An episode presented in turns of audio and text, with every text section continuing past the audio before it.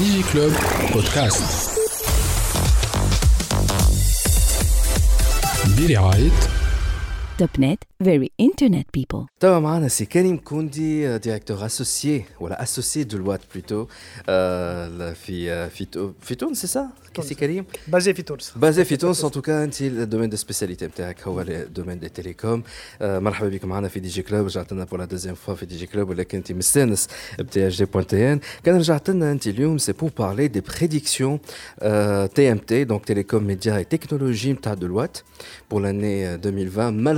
malheureusement le Mobile World Congress a été annulé. Antoine Mstensin à vous annoncer un petit peu les résultats de cette, étude, de cette étude aux alentours du Mobile World Congress et durant le Mobile World Congress. Ah, ça a été annulé à cause de la, du virus Covid-19, par le coronavirus.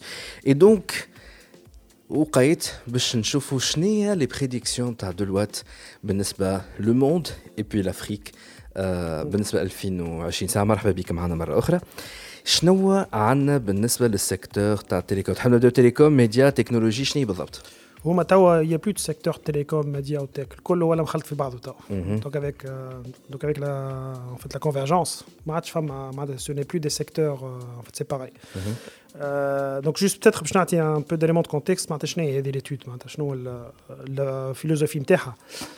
Les TMT prédictions de Loite, c'est les tendances annuelles dans le domaine de télécom, médias ou tech ou digital en général. Donc c'est une étude qui est faite, euh, qui est faite euh, en fait, chaque année par Deloitte, donc au niveau monde, depuis maintenant plus de 20 ans. Donc on a un donc c'était la première. Ou euh, depuis Tao Sabasnin, donc là c'est la septième année qu'on fait une version Afrique. Donc donc on part de la version monde, est fait à toutes les tendances mondiales, à peu près 10-12. Hein. Ou à partir de là, on essaie de la décliner sur les tendances Afrique au Toulouse. Donc de voir un peu les impacts de les tendances et comment ça se euh, décline à les marchés locaux. On va on fait tout un roadshow, on a fait Tunis, Sénégal, le Côte d'Ivoire, le Cameroun, etc. Voilà. Donc c'est un peu le un peu le contexte, le niveau de pertinence de la prédiction. C'est important. Est-ce que c'est pertinent? On fait une mesure Est-ce que les qu'on amené ou est-ce que ça a été réalisé? Est-ce que ça a été réalisé? Oui, bien sûr. On a, on a une courbe. Fait depuis 5 on est sur un niveau de pertinence qui dépasse les 90%. D'accord. Quand d'accord rapidement, je t'en 2019 les, les axes, les home sont. Euh, donc. Ouais. 2019, bon, il y avait la 5G. Mhm. tout un sujet. SNES Darna 5G, mais sur un sujet encore plus spécifique. Donc, quand on a il y avait tout, ce qui est autour de l'intelligence artificielle. Il y avait un gros sujet à Chine, la, guerre technologique bien Chine ou l'Occident, où le niveau euh, d'avancée de la Chine, l'intelligence artificielle, le big data, le 5G, etc. Donc, il y avait, euh, donc, c'est un peu trois un peu trois en fait thèmes كبار وحكينا على على الميديا la persistance de la radio. Ouais. La radio qui est un marché qui est euh, qui est toujours là, euh, surtout le Karaba, le Karaba qui est euh, le segment. Number one, اللي يستعمل الراديو Number one, etc. Donc donc, voilà, c'était un peu les trois quatre tendances. Au niveau des chiffres, donc c'est pratiquement les chiffres qui ont été en fait annoncés. Donc هذا هو عامل voilà. Alors SNE, SNE عملنا une sélection de 8 tendances clés. Hein. Euh, sur plusieurs thématiques, donc le tech, le télécom ou le secteur du média. Donc la première, je pense, qui est importante, ce qu'on appelle le développement de l'écosystème du euh, smartphone. On parlait euh, de l'appareil. Aujourd'hui, ça devient une sorte en d'écosystème autour de ce smartphone ou aller aux femmes à des suppléments. Ça peut être un, un, une sorte en d'accessoire physique, donc un casque. Euh, ça peut être un certain nombre en fait, d'applications, etc. Donc il y a tout un, écosystème qui est en train de se développer autour des smartphones et qui est un marché qui est toujours en, qui est toujours en fait en pleine en, en pleine en pleine en fait croissance. Donc ça contredit les قال لك السمارت فون باش يوصل نهار من النهارات وهو باش يولي ان سامبل اكسسوار وتولي حاجات اخرى هي اللي تعوض. با دي تو. خاطر نذكرها مره في الموبايل وود كونغرس فما شكون قالها هذا عامين التالي. Le, le, smartphone va devenir un peu comme un truc accessoire. C'est en train de devenir au cœur de tout ce qu'on fait. L'équipement universel, data, mhm. musique, euh, vidéo, tsaour, euh, les appels téléphoniques, bien sûr, mhm. euh, tout ce qui est accès à Internet, sécurité, les jeux, le paiement. Voilà, le paiement, le gaming. Donc, c'est devenu un équipement, une, sorte de. passe partout. Voilà, donc une sorte en fait, de couteau suisse digital. Ah, couteau suisse. le couteau suisse digital. Voilà. C'est dans ce cadre-là, justement, aujourd'hui, donc c'est un marché. C'est un marché en 2020, il est estimé à plus de 1 milliard de dollars. Waouh il est sur la partie application et les contenus.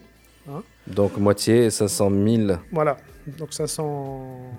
500 euh, millions de dollars. Donc, elle fait la alma. les applications, c'est ça? Voilà, alors, quand tu les applis, ben, les revenus. Euh, le premier revenu, c'est les revenus pub, donc euh, mhm. les revenus de publicité, qui sont de... 176 milliards de dollars. 160 16. Mhm. Milliards. Pour les barres d'OIJ, euh, tout ce qui est application. Millions de dollars ou les milliards de dollars? 176. Milliards, milliards. Là, on milliards de, de, dollars. Ouais. Euh, on barre d'OIJ ou tout ce qui est application, l'achat d'applications, fait les, euh, fait les stores, mmh. 118. Votre troisième, c'est tout ce qui est, euh, tout ce qui est en fait accessoire. Donc tous les accessoires en plus, ça peut être un cache, euh, un casque, euh, etc. Enfin tout ce qui est autour de Mhm. l'équipement physique. maintenant. Mhm. Donc on est dans un marché qui me rappelle que c'est un peu euh, le marché en tant que modèle de rasoir. عرفت le rasoir que tu sais, معناتها رخيص. Mhm. ومن بعد آه، les lames que tu تشريها هذوك هما الغاليين معناتها c'est معناتها c'est tous les accessoires autour. C'est un peu ce modèle توا اللي en train de se faire. معناتها آه، le smartphone de base السوم تاعو معناتها قاعد يطيح mais tous les accessoires autour c'est là où on fait les marches. tout ce qui est, euh, tout ce qui est en fait, AirPod, L'horloge connectée, par exemple. L'AirPod, horloge, le col, ils sont à des prix assez élevés. Mhm. C'est euh, un peu le modèle business du rasoir. Wow. On a avec l'appareil. Ouais. Et les hauts Voilà aussi le, euh, aussi le modèle de l'imprimante. Mhm. L'imprimante, en fait, chez les mais on va les cartouches. Voilà. C'est un peu, c'est un peu ce modèle-là. دونك en هذا train- البيزنس موديل اللي تو ولاو العباد Voilà. enfin, الشركات تحاول تربح منه C'est لي ça. اكسسوار voilà donc les accessoires tout ce qui est appli le pub C'est ce Les qui jeux. explique en fait مال هواوي le switch اللي عملته vers l'app gallery ou le fait اللي هي قاعدة elle pousse tout le monde à utiliser les applications made for Huawei. c'est ça خاطر tout simplement c'est le marché. ça donne mais accès à tout euh, l'univers Huawei en fait l'univers c'est ça justement c'est ça ce qu'on قاعدين a- تعرف ينفستيو على الاخر et surtout في البي- في البارتي gaming donc en voyant Voilà. ces chiffres it makes sense c'est même pas question تاع pour éviter euh, la suprématie تاع جوجل ou l'Android والمشاكل مع ترامب C'est ça. c'est plutôt نتاع راهو فيها مارشي كبير فلوس برشا زاد exactement très c'est intéressant au cœur de كل شيء en fait le 5G ça ne sert à rien اذا كان ما عندكش l'application وراها معناتها donc وهذا الكل تلقاه tout est hébergé على donc على un smartphone donc un device et euh, ce qui est intéressant ça persiste depuis 5-6 ans l'application la plus utilisée sur un smartphone c'est pas internet c'est pas le téléphone euh, c'est pas le paiement c'est le c'est jeu. Facebook c'est le jeu les le jeu le jeu معناتها c'est euh, tout ce qui est usage نتاع les jeux c'est même pas Facebook là, là ولا- pas du tout C'est le gaming. C'est le gaming. C'est ce qu'on appelle le social gaming, hein, les jeux en réseau, etc. Et euh, le jeu, on a toujours le cliché, le petit adolescent, fait le but MTA au Mais là, tout le monde joue en fait. Hein, je suis certain. أي واحد تسأله آه، يبدا قاعد يلعب un petit jeu, etc. معناتها ça c'est complètement. Je vais capter mon ingénieur son اللي هو قاعد يصور قاعد يسجل توا هو قاعد يسجل مي غزر en لي même temps دايرات. شاد سمارت وقاعد يلعب توا في un jeu Voilà, exactement. donc en même temps il y travaille il est en train de jouer sur son smartphone Voilà. Donc le jeu, voilà, un véritable fait média. اليوم. Ouais. C'est un canal de pub. Un canal de pub énorme. حتى نشوفوا زاد في السبور hein. Euh, في l'e-sport aujourd'hui فما des stades entiers qui se remplissent 20 000 تشوف ال- في الجابون في الكوري تلقى un stade de 15 000 هكا 20 000 euh, euh, 20 000 fans que معناتها pour les jeux. ils sont là باش يشوفوا زوز معناتها زوز عباد يلعبوا واو هكا des champions معناتها ولاو des fédérations de sport وكل شيء معناتها واو donc واو c'est ça un peu le. Donc هذا c'est juste, c'est juste un case de tout ce qui se fait autour de le- l'écosystème de ça c'est très l'écosystème intéressant du euh, en fait smartphone quoi.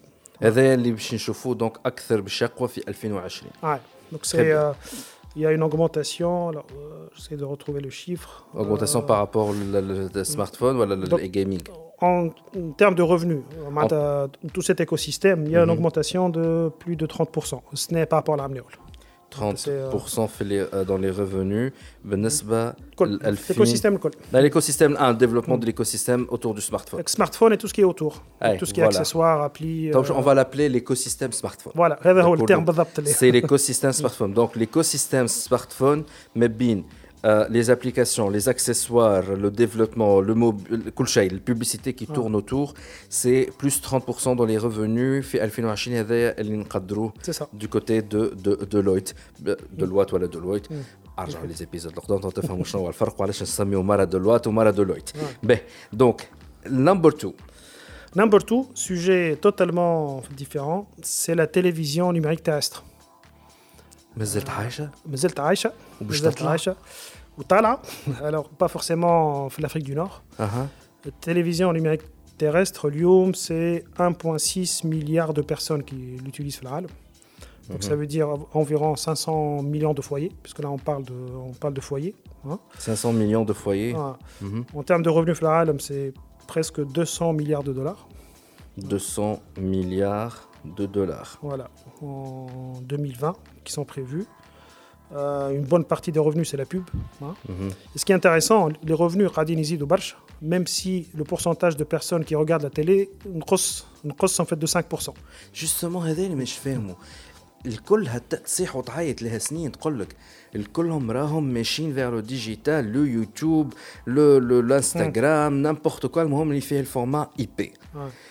بعد جي تقول لي لا توندونس على 2020 راهو باش يطلع على التي ان تي اللي هو بريسك كان طايح Mm.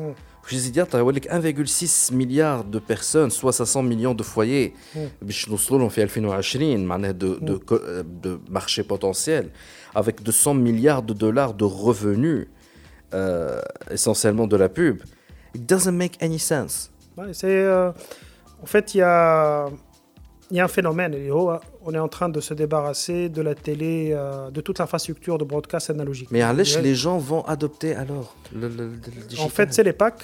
C'est les packs. Euh, dans les marchés, par exemple, européens, TNT, elle est euh, par défaut fait les bâtiments. Qui en fait, les mmh. promoteurs, ils sont, ils sont en fait obligés d'avoir le fibre plus, donc plus TNT pour la télé.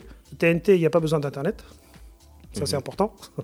Est-ce que c'est aussi une façon de désintoxication pour éviter l'écran bleu, le, smartphone Est-ce que c'est ça la tendance au euh, final Enfin, je pense l'élément clé, c'est qu'il n'y a pas besoin de l'Internet pour ça. Euh, l'accès mm. est plus facile, en tout cas pour ceux qui n'ont pas euh, qui n'ont pas euh, fait accès à Internet. Mhm. Mais ce qui est intéressant, même les pays euh, en fait, européens, là j'ai une liste de pays, de pays en fait, développés, les pays à la tête, c'est Inde, l'Italie et l'Espagne. C'est très Ital utilisé. Bon, l'Italie, donc ouais. on a presque le même tempérament et les mêmes habitudes. Hmm. Donc je suppose les Il y a une différence de taille quand même. Et donc, bah, ça se vend avec des packs Des packs, euh, une, sorte, une, une sorte de bouquet de, de, de chaîne télé. Qui m'a. أي Mediaset. Voilà. عندهم الميديا Donc, سيت le modèle de معروفة satellite. Ouais. Donc, avec, il y a tout un modèle derrière. في تونس bon avec le piratage وكل شيء. C'est euh, تنجم تاخذ une box euh, تخلص euh, 10 dinars في الشهر وسي bon. أها. Donc il n'y a pas de modèle derrière, justement, خاطر فما, euh, tout ce domaine de sharing qui est très propre à la région d'Afrique du Nord. D'accord. L'Afrique subsaharienne, ce n'est pas le cas. Je pense que c'est un peu les positions des satellites. Il y a une zone hmm. euh, où le piratage est, euh, possible, le sharing, etc. Donc, c'est la différence que Donc, ça ne permet pas de développer ce genre de choses. Et même aussi tout ce qui est euh, vote, hein, la vidéo à la demande, enfin, tout ce qui est offre hmm. autour de ça.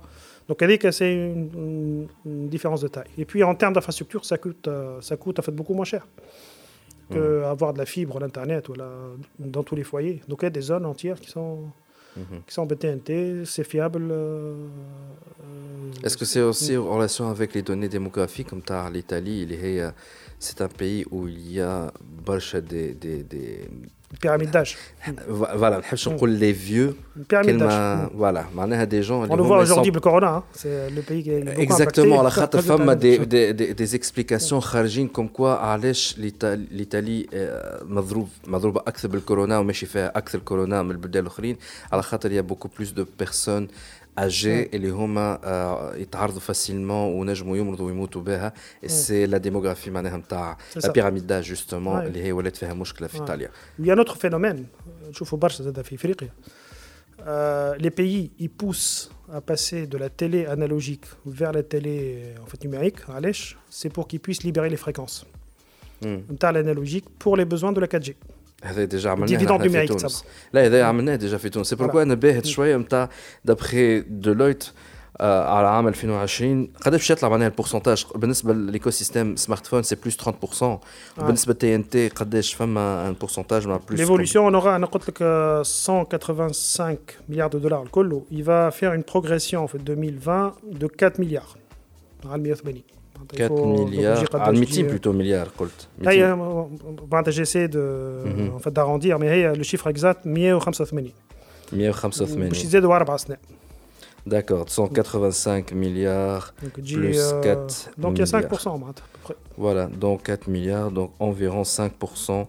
Très bien, bien. ça c'est c'est une surprise en tout cas. En fait le le volume, le nombre d'utilisateurs باش ينقص de 5%, mais les revenus باش يزيدوا de 5%. خاطر فما البوب etc qui se développe autour. Mhm, معناتها le nombre de users باش ينقص de 5%, mhm. donc mais la consommation باش تزيد. C'est pas un petit peu paradoxe, ça veut- C'est euh, les packages. C'est les packages euh, qui est aussi, euh, qui est aussi euh, en fait couplé avec le pub. Le pub, hey, alors, c'est euh, Mhm. la publicité, c'est le principal revenu. en fait. Yes, très bien. Je n'ai number 3. Alors, number 3, l'intelligence artificielle.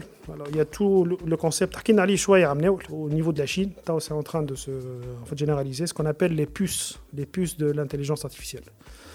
L'intelligence artificielle, euh, jusqu'à là, c'était du software. Mm-hmm. D'accord? Tawa, on commence à développer des puces, hein, des bouts de hardware qui sont, qui sont qui ne consomment pas beaucoup d'énergie euh, ni de chaleur, etc., qui sont très puissants et qui embarque des algorithmes en fait, d'intelligence, d'intelligence artificielle. Donc ça, en fait, qu'est-ce que ça veut dire? Hein, on commence à voir des équipements de smartphones qui sont, qui sont en fait équipés de puces de l'intelligence artificielle hein, sur le marché. Donc des puces pré-programmées, si on peut dire. Et donc c'est beaucoup plus euh, puissant que euh, l'intelligence artificielle basée euh, sur le soft. Hein. Mm-hmm.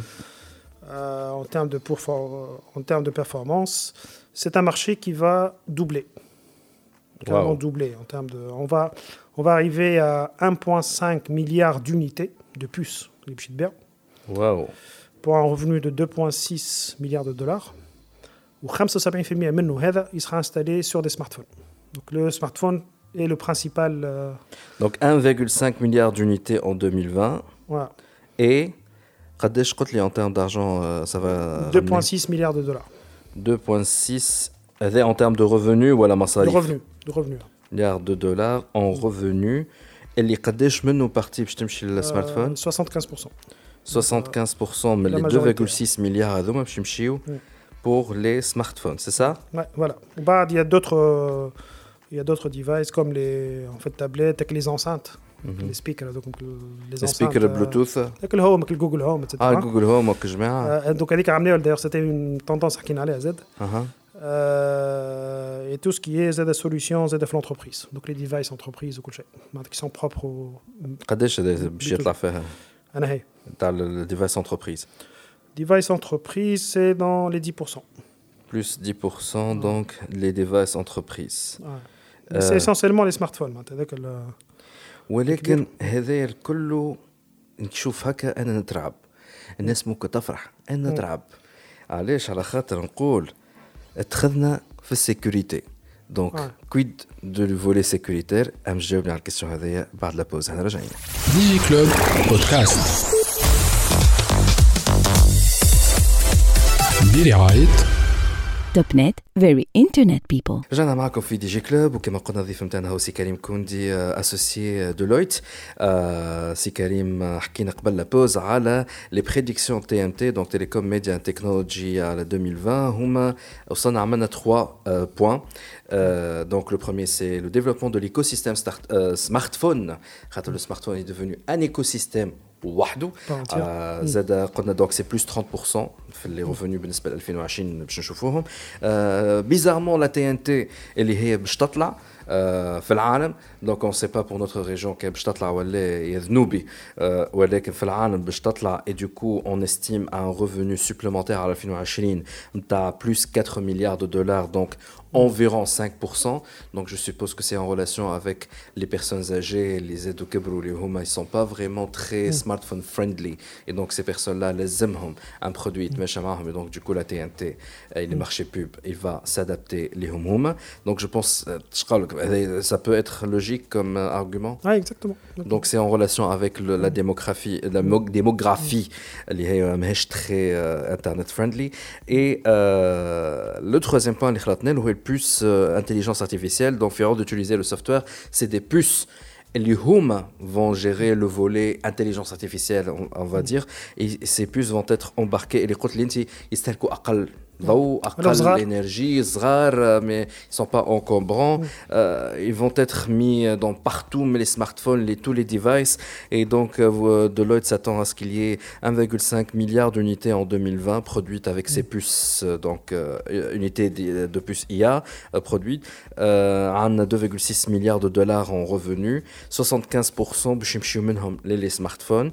Donc, euh, et plus 10% قلت les devices entreprises. وانا stop mm. sécurité. Est-ce que le volet sécurité en 2020 va être le, concern number one ou elle plutôt les gens vont être confiants et ça va être réglé? Mm. Donc effectivement, c'est un enjeu euh, majeur qui devient encore plus important. En fait, il y a deux volets. Hein, euh, sécurité, au sens cybersécurité, etc. Euh, deuxième volet, c'est la protection des données personnelles les mhm. aides à toutes les données qui sont collectées, ou l'intelligence derrière, etc. Ces deux blocs aujourd'hui euh, qui deviennent très très importants. On n'arrive pas facilement, forcément à tout contrôler. Hein, euh, technologie et surtout sécurité ou la protection euh, des données personnelles, le cadre juridique, il est en train de suivre l'évolution technologique. Hein, la technologie elle commence à être utilisée. Le cadre légal, il y بعد يخلط. آه، ديما روتار هاي. Ou sécurité ou la protection des données, d'accord. معناتها C'est en mode, euh, معناتها essayer de rattraper. et donc ça va être encore pire Je pense, oui. En termes de euh, sécurité, à نشوفوا d'ailleurs les, euh, les attaques. على تونس sécurité, ديجا على خرج تونس عليها déjà. un article صاروا في déjà- THD. بعد الجمعة اللي فاتت déjà صاروا في des attaques majeures. Et euh, ça devient de plus en plus important. خاطر اليوم حتى même les devices هذوما في السمارت ولا les caméras de sécurité etc. هما بيدهم. euh, c'est des leviers, c'est des relais de attaque. J'ai posé une question, je ne vais pas citer qui, mais normalement les tabous Bilgdef, DJ Club, j'ai posé une fois une question à nos placés dans un opérateur télécom. Et je lui ai dit, est-ce qu'il y a une stratégie de la part du secteur télécom mm. qui redoit les Android de l'école Android c'est même pas l'iOS Mm. اللي on sait très bien اللي فيه برشا ثغرات صفحة جديدة. والتوانسه مش قاعدين يعملوا دي ميز جور نيسيسير اتسيتيرا انه قداش عندنا دي سمارت فون تقريبا 8 ملايين سمارت فون يا اخي نهبط معاك ال 4 مليون دو سمارت فون هم اكتيف سور لو ريزو Ouais. كان 4 مليون دو سمارت فون يجيو فيها اون اتاك سيمultanée على لي تخوا اوبيراتور يبركوه يظهر لي الريزو تونيزيان Ouais, معناتها j'irais même euh, plus loin, Blacks, que les 4 millions يستعملوهم pour faire des attaques. خاطر هما بيدهم ils peuvent être utilisés en tant que masse. باش يعملوا هما بيدهم آه، معناتها يستعملوا les 4 millions en fait pour faire des attaques. اكزاكتو انا قلت دي Les دوس caméras de sécurité زاد كيف كيف. hein. ما نحكيش على كاميرا سوفا انا اعطيني برك لو سمارت فون اللي في يدي كان نعمل اتاك دي دوس من 4 مليون على لي آه. 3 اوبيراتور نتاع كل- مشينا Mm. Et j'ai eu comme l'impression que c'est le worst case scénario et malheureusement il n'y a pas de solution liée pour le moment voilà il n'y a pas de stratégie. Ouais. انت اللي تابع السيكتور تاع تيليكوم و كونتاكت افيك تو الموند اسكو حسيت لا ميم شوز والا نتاع ما نحبوش نخمو فيها الحكايه على خاطرها مصيبه زرقاء Mm. لا، هو معناتها c'est pas un problème que fait C'est un Worldwide, I. Il n'y a pas de frontières cyber. Cyber, c'est un monde ouvert. Il n'y a pas de frontières entre pays. Tu peux l'attaque, tu peux attaquer. Euh, euh, il n'y a pas besoin de visa. Yes. Cyber. Euh, donc c'est un phénomène en fait mondial. Donc l'élément clé, oh, on y a pas le cadre juridique, etc. Pour avoir pour avoir tout l'arsenal en fait, juridique, l'élément clé, c'est la collaboration entre les acteurs. Et donc les trois opérateurs donc, en termes de et c'est pas que les trois c'est pas que les trois opérateurs, ben, tout le monde économique en fait, ben, tous les, ben, tous les en fait, acteurs. Il y a des processus qui peuvent être mis en place. Ils sont en place en, ils sont en place en partie. Ou avoir euh, des équipes de sécurité, ce qui est un peu le cas normal, mais surtout la, la coordination et aussi la coordination avec une cellule au niveau pays. Donc, c'est ce qu'on appelle le CERT. Le, hmm. euh, le, L'État financier. Voilà. C'est le, centre de, contrôle permanent, si on peut dire. Voilà, c'est le centre de réponse. Yes. Mais est-ce qu'il y a une stratégie est-ce قاعدين يخموا les opérateurs انت داخل في خناخشهم كما يقولوا فيها الكلمه اكثر مني انا قاعدين يخموا ولا لا فما اليوم معناتها سي en place la collaboration c'est pas au niveau qu'on souhaite, il y a encore beaucoup à faire. Il y a le cadre juridique, tout le cadre de cyber, euh, cyber criminalité et tout Donc, il faut mettre en place tous les processus et tous les moyens en fait, de collaboration. C'est au niveau national. On va au niveau de, de, tous les acteurs économiques, avoir des processus qui soient très stricts. Et, لازم يبداو توا ولا مز ولا لازم توا لازم توا على خاطر قاعد نشوف فيه راه فما توا ديجا mais le point clé euh, pour faire face aux différentes attaques de, de sécurité, un, c'est la collaboration, ou deux, c'est la vitesse. Il n'y a pas de ça. Donc c'est la vitesse de réponse. Ah. Et ça aussi, c'est beaucoup d'équipements. Donc c'est des euh, technologies qui sont pointues. Il y a l'aspect processus qu'il faut mettre en place et en termes de gouvernance Il y a un aspect aussi en termes de moyens. قاعدين يعملوا في هذا ولا قاعدين يخموا؟ لا لا سي اون كور سي اون كور هو تعرف في الدومين تاع السيكوريتي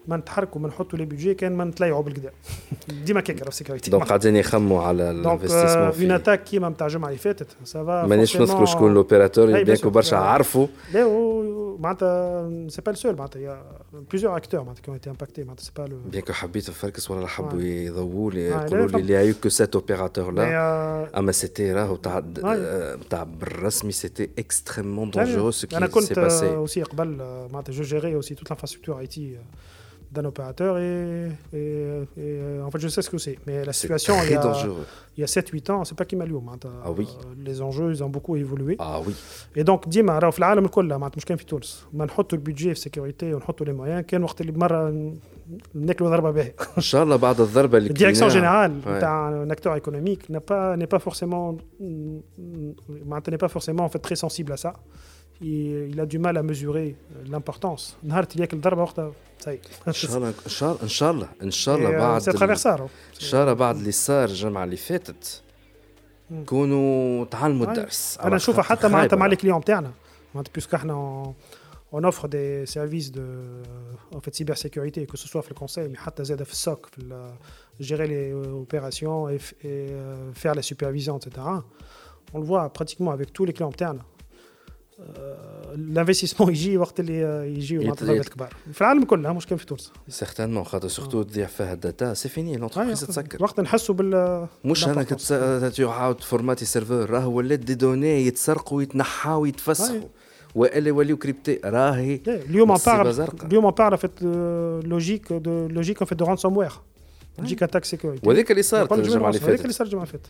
باهي دونك نمبر فور Alors, number four, euh, c'est tout le domaine, ce qu'on appelle le domaine de, des livres, euh, des livres, euh, des livres en fait audio, mm-hmm. et plus généralement des podcasts. C'est un domaine qui est en... Domaine. Domaine, voilà. Domaine. et je pense qu'on est aussi dans un podcast en ce moment. Wallah, l'azim, jusqu'à preuve du contraire, c'est encore en format podcast. Donc, 2020, في 2020 donc c'est l'année de de de طلعت البودكاست اكثر voilà le podcast باش تطلع en termes de revenus de de plus de 30% plus 30% d'accord en termes de revenus ça va dépasser les 5 milliards de dollars plus que 5 milliards de dollars. Alors, on est كيف نقول le podcast, c'est اللي podcast. تسمعوا فينا مش معناها راني عندي 5 مليار دو دولار راهو شوش تتف- تقولوا صح علي ايوا راك مكشوني. راني را- مازلت قاعد فيها تونس انا مازلت نحكي في دي جي كلوب ايواش Donc les podcasts, euh, ça inclut les livres audio. Donc les livres audio aussi, il y a un usage qui est mhm. en pleine croissance. Donc Adalcool, c'est un marché justement qui est en plein essor. Hein. Euh, d'ailleurs, le titre de la tendance est l'essor des livres audio et du podcasting. Mmh. C'est un peu la tendance. Donc la population jeune, Barchestam. stable. Mhm. مهم. قداش Comment- هكاك بلوز او عندنا لي ستاتيستيك البوبولاسيون جون قداش En termes quel de âge volume, là, là, c'est vraiment une, une euh, sorte de tendance mondiale. On est en train de voir les chiffres pour avoir les chiffres au niveau Afrique, au Tunis. انا نجم نعطيك بالنسبه لتونس خاطر جوسكا بروف دو كونترير وغازي كان كم آه، شفت آه، اعطيني قول لي العكس مم. جي لامبرسيون اللي في تونس مازلت كان انا وحدي جربت شويه ليكونوميست مم. مغربان لو ماناجر بلوتو سامحني لو ماناجر وتوا نجي وراها باش تعاود الغولونس لو بودكاست نتاعها في بالي ما ثماش دوتر بودكاست فما فكره بودكاست تاع بتيت ستارت اب لانسيوها مي سي سورتو سور يوتيوب اي انكور معناها سي انكور لو ستيل amateur Euh, Il y a quelques petites initiatives, mais celui qui a professionnalisé le truc, je pense qu'il y a que THD et ma personne, Mm. je t'en ai fait un الكبير, mais الظروف خلتني اللي تلانسا Le père du le podcast. podcast أي، وليت عزوز انا تعرف حاجه بالروح. عملت آه، طلع على خاطر nous sommes diffusés sur différentes plate- plateformes Mm. comme SoundCloud, comme euh, Spotify, etc. Et malheureusement, il n'y a que Anrami qui donne les statistiques et في الحكايه هذيا آه، ج- آه، statistiques معناها démographique. J'étais agréablement surpris اللي أن- في Anrami euh, يعطيني la majorité de mon audience elle a entre 18 et 25 ans. اللي يسمعوا فيا سينو اللي عمرهم آه، في لي زالونتور تاع 15 ans زاد يسمعوا فيا آه، ونلقى برشا من الموين اوريون انا نتصور معناها البودكاست نتاعي وتو لي برودوي تاع تي اش دي دخلهم معناها بالتونسي وبالفرنسي كومون سا سفي اللي هو يتسمع en premier fait l'Égypte, l'Arabie Saoudite. Mm. J'étais choqué. La Tunisie, carrément, elle est dans les. C'est des marchés kbar aussi. Et c'est des marchés kbar. En termes de population, surpris. J'étais vraiment surpris. Et donc, mais chez les tendances, c'est d'aller international. internationales. Heureusement, il y a un Rami, Inch'Allah, les autres plateformes sur lesquelles je diffuse, euh, ils donnent, Inch'Allah, un accès à les statistiques. Spotify a au choix des statistiques, mais Benesba l'arabe, Akthar un Rami, et c'est la même tendance qu'Amen Inch'Allah. Je suis plus à la, euh, euh, les 25-35 ans, les, podcasts sont à THD Donc, Benesba livre audio et, et, et podcast, euh, je suis number 5. Alors, on parle d'un sujet intéressant qui sont les satellites à basse orbite. Des satellites, ils retournent à une. Mmh. Donc à une, ils le GPS généralement. Oui, entre autres. Ouais. Euh, donc c'est des satellites, euh, ils en euh, fait, large bande.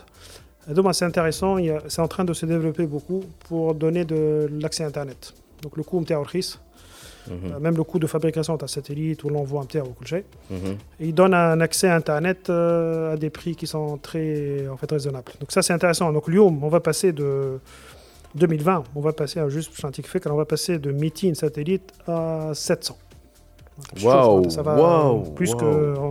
Donc il y, a un vrai marché autour de ça et surtout autour de l'accès à Internet. Donc, je prends le cas, par exemple, de Frick. Mhm. Au lieu de déployer les fibres un peu partout, etc. Donc le satellite, on peut euh, facilement en fait couvrir euh, les zones rurales, etc. Il n'y a même pas besoin de la 5G. Là, il n'y a pas besoin. Il n'y a même pas besoin de la 5G. Satellite ou Facebook aussi est dessus Mhm. euh, pour développer ça, fait, entre autres, etc. Donc dans les zones, dans les zones rurales, etc. Donc c'est des solutions intéressantes. Euh, qui augmente l'accès euh, l'accès Internet. Le Japon, par exemple, est en train beaucoup de se développer. Mm -hmm. Le Japon, il, donc il fait, euh, donc il fait la, production de ces, de ces satellites et il offre Blech le lancement d'un satellite. Carrément Pour essayer de stimuler, pour attirer la demande. Donc mhm. c'est un cas d'exemple. Donc le Japon est très, très présent. dans ce sens pour l'instant, là, je pense que l'accès il est plus terrestre, je dirais. Mhm. Internet satellite. ou bah, via le mobile, etc. Mais bon, c'est une euh, nouvelle tendance. hein, c'est euh, C'est en train fresh. d'arriver. Bah, Lui m'en parle de 700, Mhm. satellite, redoit que le bas orbite, je dois l'école à satellite. Ben, si Karim, en tout cas, c'est en gros les, les grandes tendances de 2020 بالنسبة لديلويت مانيش ناخذ ياسر من وقتك ولكن question الاخرانية que je vais poser et après je vais vous libérer euh, est-ce que toutes ces tendances-là vont être perturbées par la crise de la coronavirus Covid-19 Je dirais impactées de manière positive. Mouche négative. Je dirais même très positive. Allèche. Chauffe l'impact du corona, ça nous pousse à faire plus de l'activité à distance. Mmh. Le digital, c'est l'outil pour ça. Le euh, digital, ça permet de de faire plein de choses à distance. Ça peut être dans le domaine de la santé, l'éducation, le télétravail. C'est des solutions, c'est des solutions en fait euh, euh, qui sont très digitales. Mhm. L'écosystème de, de smartphone il pourra se développer acteur dans, ce type de contexte. 5G, mhm. euh, enfin tous les besoins, euh, les satellites dont on parlait. Donc on risque bien d'avoir. En fait, ça favorise, ça favorise euh, les activités à distance, d'où le développement de différentes applications digitales. Je pense à Tafito, ce lieu. Euh, comme je le dis euh, tout le temps, les technologies ont eu leur pic d'innovation ou développement, c'est في الوقت ازمات في وقت الازمات و والحروب voilà, entre autres معناتها في les ازمه نحن عايشين في ازمه شوف depuis توا قرن les technologies والتليكوم والانترنت ça s'est développé initialement معناتها في وقت الحرب معناتها في الحرب العالميه الثانيه وانت ماشي وزاد معناتها في الازمات معناتها جو بونس في تونس اليوم عندنا فرصه تو de développer ce genre d'activité. Euh, Mais on est, on est en train de dire en même temps que euh, la coronavirus, etc. C'est juste à نقولوا على خاطر نحن اليوم قاعدين نسجلوا نحن quelle est la date d'aujourd'hui ici le 12. Le 12 mars, le 12 mars. Jusqu'à aujourd'hui, la situation fait Tunis entre guillemets, elle est maîtrisée, mais on ne sait pas d'ici quelques jours. Il se peut نخلطوا على إيطاليا ويولي فما اللوك داون نتاع نتاع تونس كاملة. Déjà, il y a quelques entreprises اليوم قاعدين يحكيوا على envoyer leur euh, employés chez eux chez nous un télétravail. Si Karim Koundi, merci beaucoup d'avoir accepté notre invitation. Merci pour l'invitation. نعيطوا لك في فرصة أخرى وفي فرصة مع أسعد مش في لي كونديسيون هذوما الناس كلها داخلين في بسيكوز نسبقوا الخير ونسبقوا الخير إن شاء الله وإن شاء الله نسمعوا حاجات مع أحسن ميرسي بوك دي كلوب بودكاست برعاية توب نت very internet people